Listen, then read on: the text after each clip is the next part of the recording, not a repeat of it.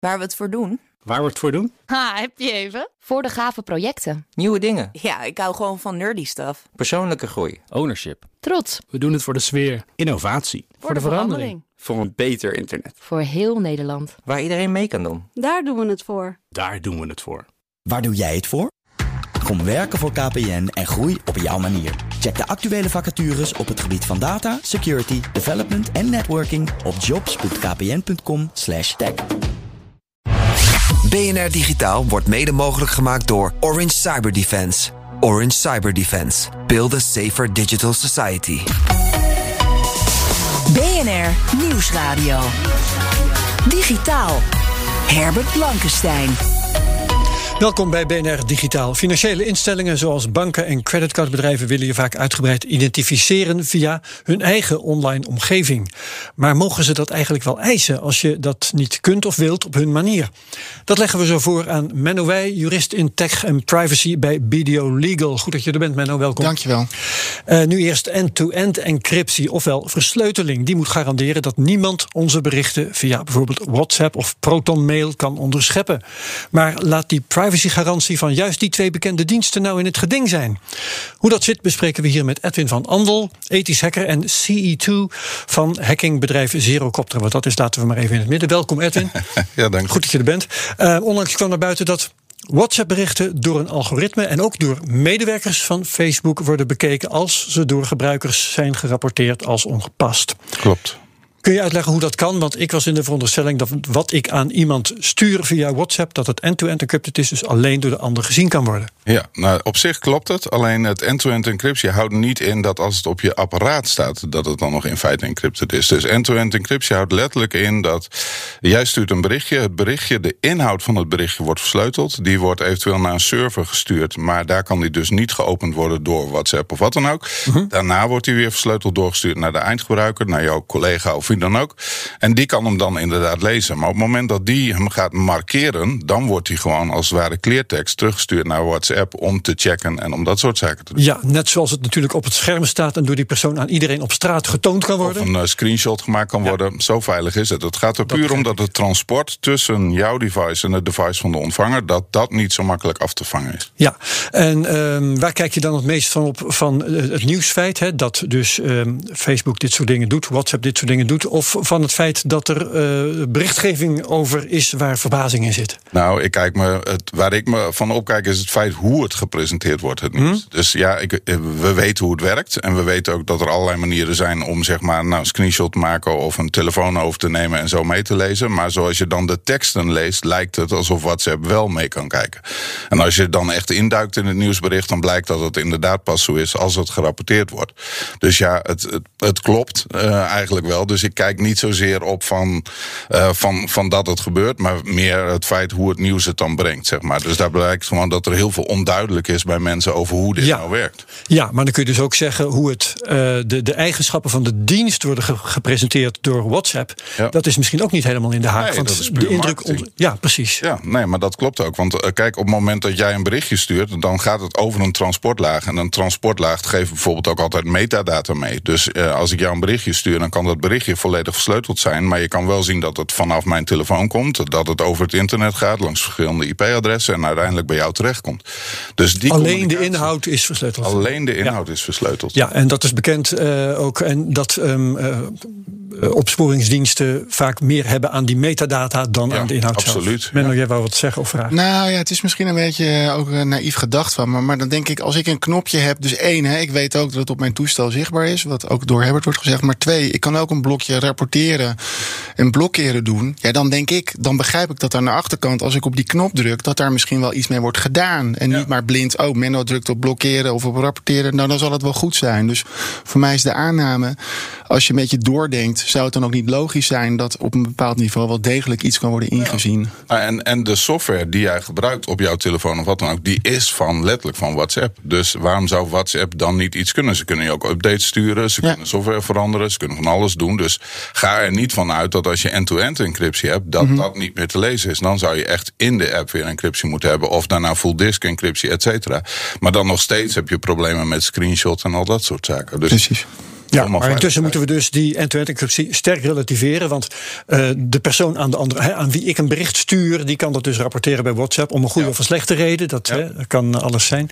En dan kunnen daar mensen naar kijken. Ja, klopt. Of maar Herbert ook, eh, op het moment dat ik het automatisch in mijn cloud opsla. Uh, en vervolgens heb ik dus een heel makkelijk uh, wachtwoord voor mijn cloudopslag, namelijk uh, Menno 1972. En dat wordt gehackt. Is er dus ook geen enkel probleem vanuit WhatsApp, maar is het ja. gewoon weer de zwakste schakel, namelijk uh, ikzelf als eindgebruiker, waar het probleem zit. Ja, nou sterker, laten we daar even naartoe springen, um, want het is ook actueel.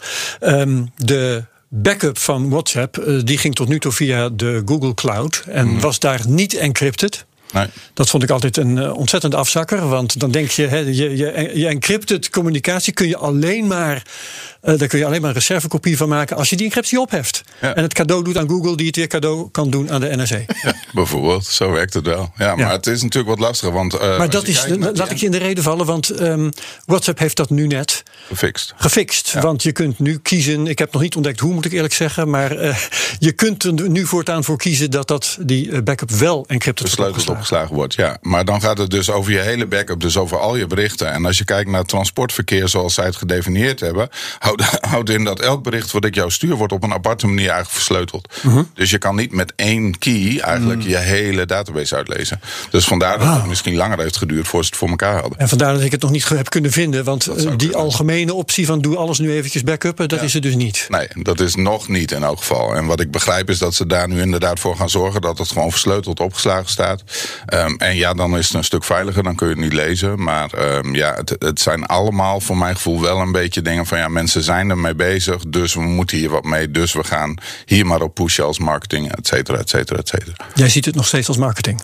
Nou ja, ik gebruik eigenlijk geen WhatsApp. Ja, sowieso beter. Wel eens, maar niet voor uh, verkeer, zeg maar, wat wij uh, zelf nodig hebben. Nee, laten we dan eens hebben over een, een dienst die voor mij een onverwoestbare reputatie had. Tot ik dit bericht las. ProtonMail mm -hmm. um, gold als, nou ja, het lichtend voorbeeld van uh, gecodeerde e-mail. En op last van de Zwitserse overheid hebben die nu het IP-adres van een activist moeten vrijgeven. Ja, dat geeft nogal een rel binnen de gebruikers van ProtonMail, want die dachten dat dat niet kon. Kun je ja. dat uitleggen? Nou ja, niet kan is natuurlijk weer een heel raar verhaal. Want uh, ook je mail gaat over volledig versleuteld TCP/IP. Dus op het moment dat het er een mailtje, ja, het internetprotocol. Dus op het moment dat er een mailtje bij een server binnenkomt, kan de server wel degelijk zien wat het afzender IP-adres is. En ProtonMail was zich daar bewust van, want die hebben volgens mij drie of vier jaar geleden als enigste mailserver een, ook een mailserver opengezet op het Tor-netwerk. Dus dat houdt in dat je eigenlijk eerst naar Tor gaat, die Onion Router netwerk, waar je eigenlijk achter allerlei hops en proxies uh, jouw IP-adres probeert te maskeren. En dan naar ProtonMail gaat. En dan wordt het een stuk lastiger om dat te achterhalen. Maar als je dat niet gebruikt en gewoon vanaf je eigen huisadres mailt met ProtonMail. Ja, en tuurlijk, er is TCP-verkeer, dus men kan je IP-adres zien. En zij geven aan dat ze normaal nooit ingaan op dit soort dingen, uh, dit soort aanvragen. En wat ik begrepen heb, is vanuit Frankrijk was de eerste aanvraag gedaan. Die hebben ze ook geweigerd.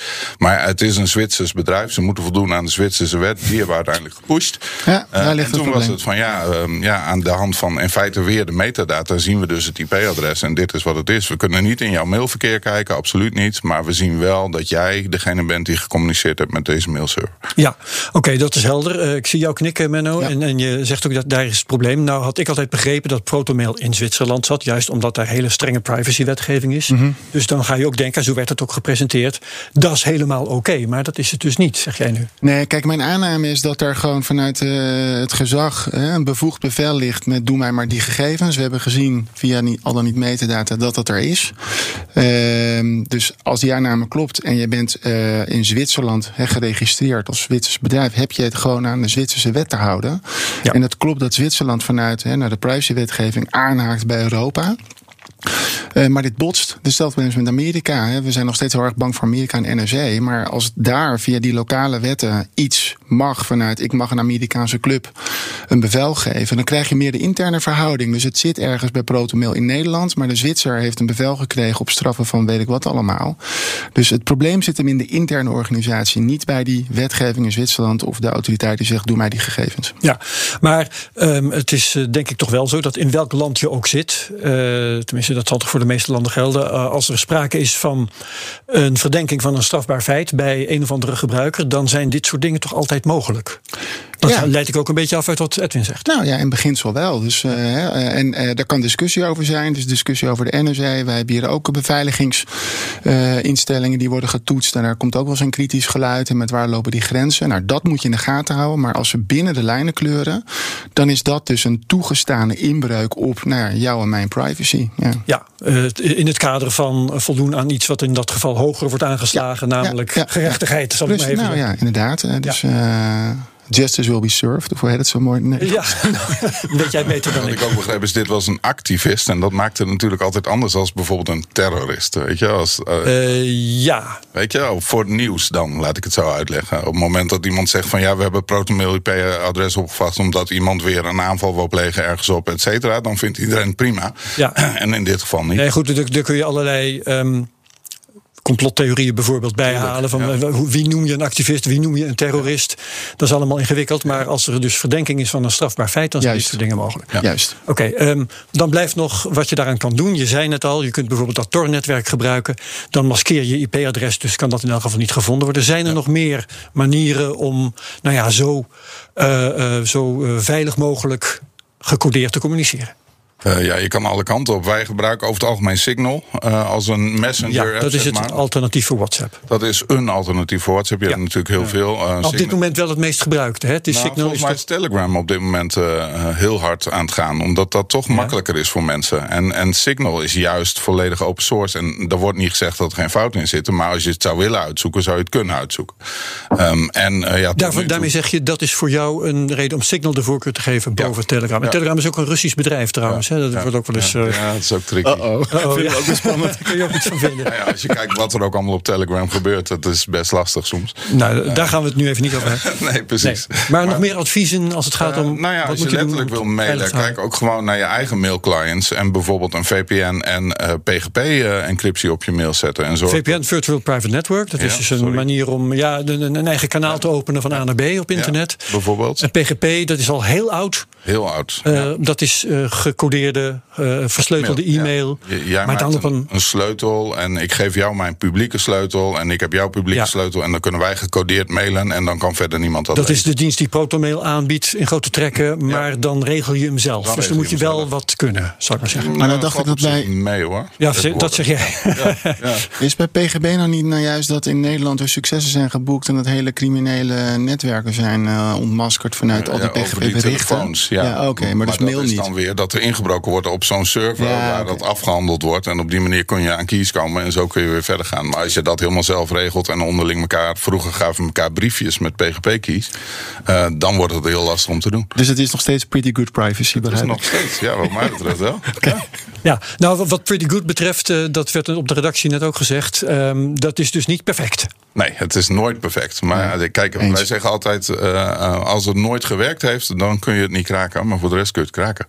Dat is een beetje het idee. Alles is gewoon te kraken. Alles hangt aan elkaar. Alles is misschien verkeerd geconfigureerd. Dus ja, Ja. eh, hoeveel tijd, hoeveel geld, hoeveel inspanningen we erin zetten. Net wat de gebruiker voor fouten maakt en net wat de aanvaller er bereid is in te investeren. ja. En sommige mensen denken in één keer heel anders. Nou, dan gaat het heel hard. Oké, bedankt voor dit moment. Edwin van Andel blijft bij ons voor het volgende onderwerp. Herbert Blankenstein. We blijven bij het beschermen van persoonsgegevens, maar dan in het kader van financiële instellingen. Ook heel interessant. Want onlangs weigerde een klant van creditcardverstrekker ICS door een foto van zijn paspoort en zijn gezicht te sturen via de app van ICS om zich op die manier opnieuw te identificeren. Menno, wij knikt hier al. Het geschil ging naar het financiële klachteninstituut. Ja. En de- dat heeft de klant in het ongelijk gesteld. Dus de klant moet daar wel degelijk aan voldoen. Ehm, om te beginnen, Menno, er is, eh, heel veel vragen hierover. Die heridentificatie, ik heb er zelf ook eens mee te maken gekregen... en daar ook eh, een fel gevecht over gevoerd. Ja. Met in dat geval mijn bank. Ehm, misschien dat ik daar zo nog wat over zeg. Maar in ieder geval, waarom moet die identificatie uitgevoerd worden? Ehm, je moet zeg maar je klant identificeren, dat is stap 1. Maar je moet ook zorgen dat die dossiers actueel zijn en nog op orde zijn. Eh, dus het heeft te maken met zeg maar, het vertrekpunt, de actualiteit van mijn dossier. En dus in Dus dat, dat moet gewoon eens in de zoveel tijd. Ja, dus dat, dat eens in de hoeveel tijd? Ja, dat, daar zijn heel veel factoren voor. Maar het, zou raar zijn als je dat systeem zeg maar, niet hebt ingebouwd. Want weet ik veel, uh, iemand kan van onvolwassen naar volwassen gaan. Een, uh, een ID-identificatiedocument kan verlopen. Hè. Dus je moet daar wel zeg maar, wat signalen maar voor, als voor klant inbouwen. moet je er dus op voorbereid zijn dat je echt eens in de zoveel tijd zo'n verzoek krijgt van nou, nou laat nog maar een keer zien dat je het echt bent. Nou ja, dat inderdaad. En ik vind ook dat gegeven uh, in het licht van wat er nou allemaal gebeurt, en wat we net ook bespraken met jou, met Edwin, uh, niet zo vreemd. Dus. Nee. Ik vind het verschil tussen zien en opsturen dan heel eng. Ja, nou, dat is precies waar daar wel uh, op Ja, komt, ja want, maar- want um, de instellingen, en daar had ik dus ook mee te maken met een bank, uh, die willen dat heel graag automatisch en digitaal Ja. doen. En in dit geval had de klant daar uh, bezwaar tegen. Waarom wil zo'n instelling dat digitaal doen? Is dat Ja. puur gemak? Het is ook weer even een beetje zeg maar, wat we net met WhatsApp bespraken over hè, wat is nou de boodschap. Kijk, ik, de financiële instellingen zullen snel geneigd om te zeggen: ik moet dit doen. Daar wil ik wel een nuance maken. Je moet zorgen dat je dossiers op orde zijn. En dan moet je dus ook zorgen dat je een proces hebt om die actualiteit te waarborgen. Maar uh, ik lees niet, uh, ik moet heridentificeren. En dat moet op de manier zoals het in dit geval is Nee, want dat viel mij dus ook dat op. is even de nuance. Ja, ja, ja. Ik ben, zoals de meeste mensen, denk ik, klant bij verschillende van dit soort clubs. Mhm. En de, van de een hoor ik helemaal niks. Uh, en van de andere hoor ik iets, maar kan het op een manier die voor mij makkelijk is. En weer een andere die ja. heeft iets opgetuigd dat voor hem makkelijk ja. is en niet ja. voor mij. Ja, kijk, wat zou kunnen, maar ik, dan ben ik heel eerlijk, dat is natuurlijk wel speculatief. Uh, maar er wordt hier heel streng op gecontroleerd en terecht. Je kunt er dikke boetes voor krijgen. Door de toezichthouder. Ja, ja. ja. DNB uh, dat wij. BDO zelf heeft ook. wij hebben ook die identificatieplicht. Ja. en het kan natuurlijk zijn dat er misschien in het begin dat die onboarding, om het zo maar te noemen, niet helemaal goed is gegaan. Ja, als je dat merkt bij dus een check op je interne dossiers, uh, dan is dus de heridentificatie natuurlijk wel een beetje makkelijk om dat dan te zeggen. Maar nogmaals, ja. de nuance is: het gaat om de actualiteit en de juistheid van ja, je dossier. En dus ook uh, heb ik dus inderdaad die mensen goed En is er geïdentificeerd. verder enige nieuwe wetgeving op dit moment die dit noodzakelijk maakt, of is dat niet aan Nee, dit komt gewoon uit de WWFT Hè, dus uh, de wet ter voorkoming van witwassen en uh, terrorisme financieren. Uh, en dan even op het punt waar jij volgens mij al op uh, voorsorteerde is. Edwin? Ja, sorry. Uh, de vraag. oh ja, we zitten natuurlijk niet op televisie. Pardon. een beetje wel, maar via bnr.nl zijn we misschien Ja. deels te zien. Maar we zwaaien nog even. Doe dat maar. Um, hè, maar um, dan ben ik even van mijn eigen apropos. Pardon. je wilde refereren aan wat Edwin had gezegd. Ja. Um, de vraag is even: hè, moet ik dan bijvoorbeeld een kopie uh, idee hebben?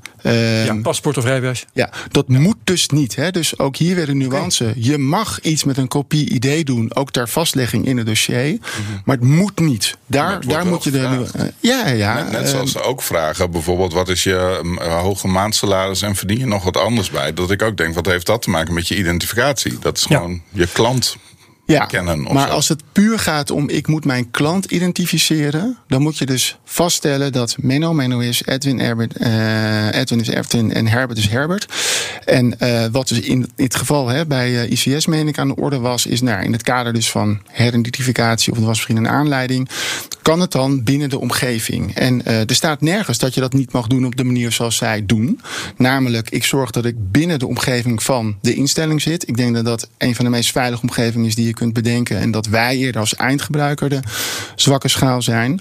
Uh, en dan match je dus op dat moment actueel wie ben jij. Dus ik moet jou kunnen zien. En dus identificeren. En dat match je dus met een ID-document. En dat moet ja. je dus goed vastleggen. Maak je de keuze, ik leg het volledige ID-document vast. Leg je meer vast dan wat de wet verlangt. Verbied het dus nogmaals niet. En moet je daar dus even over nadenken. Staan daar aspecten op die niet nou letterlijk in de wet staan? staat niet die in de moet meenemen? GDPR dat je niet meer data mag verzamelen dan je nodig hebt. Ja, maar de uh, AVG of GDPR zegt ja. ook, hè, als er bijzondere wetgeving is. Dus je moet dit wel, vind ik, vanuit de WWFT aanvliegen. Okay. Uh, in het kader dus van die heridentificatie heeft hè, de autoriteit persoonsgegevens, dus die waakt over de AVG, daar ook iets over gezegd.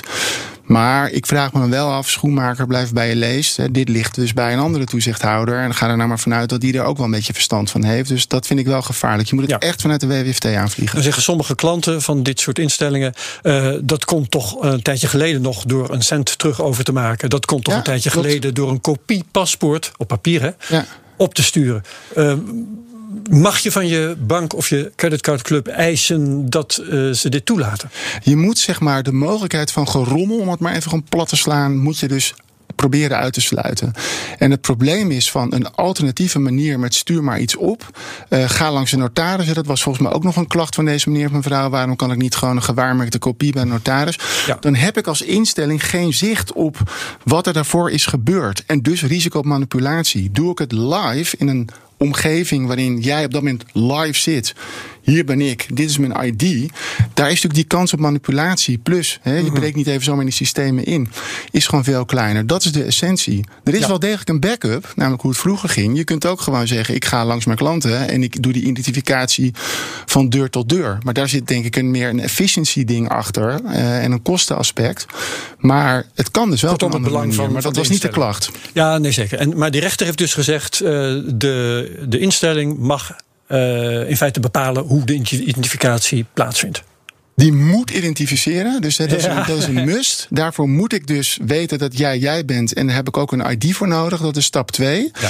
En dan voor die inrichting en de vastlegging, daar zit zeg maar wel wat ruimte en nuance. Dat is eigenlijk in de kern waar het om gaat. Ja, oké. Okay, um, ehm, even kijken wat we dan nog moeten behandelen. Um, ICS uh, eh, staat erop dat je je heridentificeert door met hun een foto van paspoort, uh, uh, paspoort en jezelf te maken en op te sturen. Wat voor bezwaren kun je daar verder nog tegen hebben? Ja, Nogmaals, ik denk op zich dus niet zo heel veel. Uh, omdat in mijn optiek uh, de, uh, de veilige omgeving van een bank. Hè, binnen, doe, we zitten allemaal ook gewoon netjes via die app, de internetbankier en alles. Ja. Hè, dus het gevaar van we doen het via de mail, we doen het via de post. Daar zit het risico dat je even als instelling geen zicht hebt op wat gebeurt er met iets ja. totdat het bij mij komt. Of Zelfs als de notaris erbij geweest is tot het moment dat het ja, weet je, en, en de notaris stelt vast, hè, die maakt dan een mooie akte van constatering. Maar dat heeft verder helemaal geen waarde. Dus uh, oh, dank u. nee, nee hij, dat hij, hij zet zijn handtekening eronder. Maar dat wil niet zeggen dat het is zoals het is. Dus dat voegt voor die instelling niet zoveel toe. En ik heb wel begrip voor het feit dat je zegt... we proberen uh, het om een manier te doen, hè, online. Dat heeft corona ook wel geleerd. Uh, zo veilig mogelijk en zo dicht op hoe de verplichting zit. Ja. In plaats van, we gaan nu allemaal mensen het veld in sturen... en die bellen aan bij de deur. En denk ik, ook daar word je nog wel eens... staat iemand met een uniform die blijkt ook niet echt te zijn. Wil ik even, nee, dat kan ook nog. Uh, van Edwin weten. Uh, want uh, dan heeft een instelling zo'n procedure opgetuigd. En dan zit je voor een camera te zwaaien met je paspoort en noem maar op. Valt dat te hacken? Ja, want eh, uiteindelijk wordt die data ergens opgeslagen. En wij hebben met ons bedrijf ook wel eens uh, bij een verzekeraar, en ik zeg niet welke wat gevonden, uh, waaruit bleek dat inderdaad paspoortdata gewoon op een server lag die benaderbaar was. Dus dat kan. Het hangt er puur vanaf hoe goed je dat beveiligt. En op het moment dat, dat dit gebeurt, denk ik aan de ene kant van ja, het is wel redelijk nieuw. Want vroeger ging je inderdaad langs of moest je een kopietje sturen per mail of wat dan ook. Ja. Daar hebben ze wel over nagedacht. Nu hebben we een nieuwe applicatie gemaakt waarmee we dit gaan doen. Hoe veilig is dat? Ik weet het niet. Ja. Dus daar zit altijd een risico in. Tot slot, Menno. Ja, nee, een heel sterk punt. En zeg ik dus, als je dus weet dat vanuit de wet je ook kunt volstaan zeg maar, met de registratie van een aantal coördinaten van zeg maar, het ID-document, datumuitgifte, aard van het document, doe dat dan. In plaats van dat je die hele kopie opslaat. Het mag wel, maar dan heb je dus die risico's. Denk je dat het goed zit? Even oh voor je vrienden. maar je kunt ook zeggen, ik noteer alleen die gegevens. Als laatste veiligheidsmaatregel nog even je BSN onlees, uh, onleesbaar maken. Ja hoor. Of je lengte, want is lengte nodig voor zoiets? I don't know. Gewicht, ja. Oké. Zijn nog genoeg rechtszaken mogelijk zo te horen? Ja, Dankjewel, Menno. Wij, wij van Video Legal en ook ethisch hacker Edwin van Andel van Zerocopter. Tot zover BNR Digitaal. Je kunt BNR Digitaal terugluisteren via bnr.nl, onze app of waar je ook maar luistert naar je podcasts. En dan vind je ook mijn andere podcasts. En dat zijn de Cryptocast, De Technoloog en Space Cowboys. Ook vanmiddag weer een nieuw exemplaar van Space Cowboys online. Wat BNR Digitaal betreft zeg ik heel graag tot volgende week. BNR Digitaal wordt mede mogelijk gemaakt door Orange Cyber Defense. Orange Cyber Defense. Build a safer digital society. Ook Thomas van Zeil vind je in de BNR-app. Je kunt live naar mij luisteren in Zaken doen. De BNR-app met breaking news, het laatste zakelijke nieuws... en je vindt er alle BNR-podcasts, bijvoorbeeld Het Nieuwe Geld. Download nu de gratis BNR-app en blijf scherp.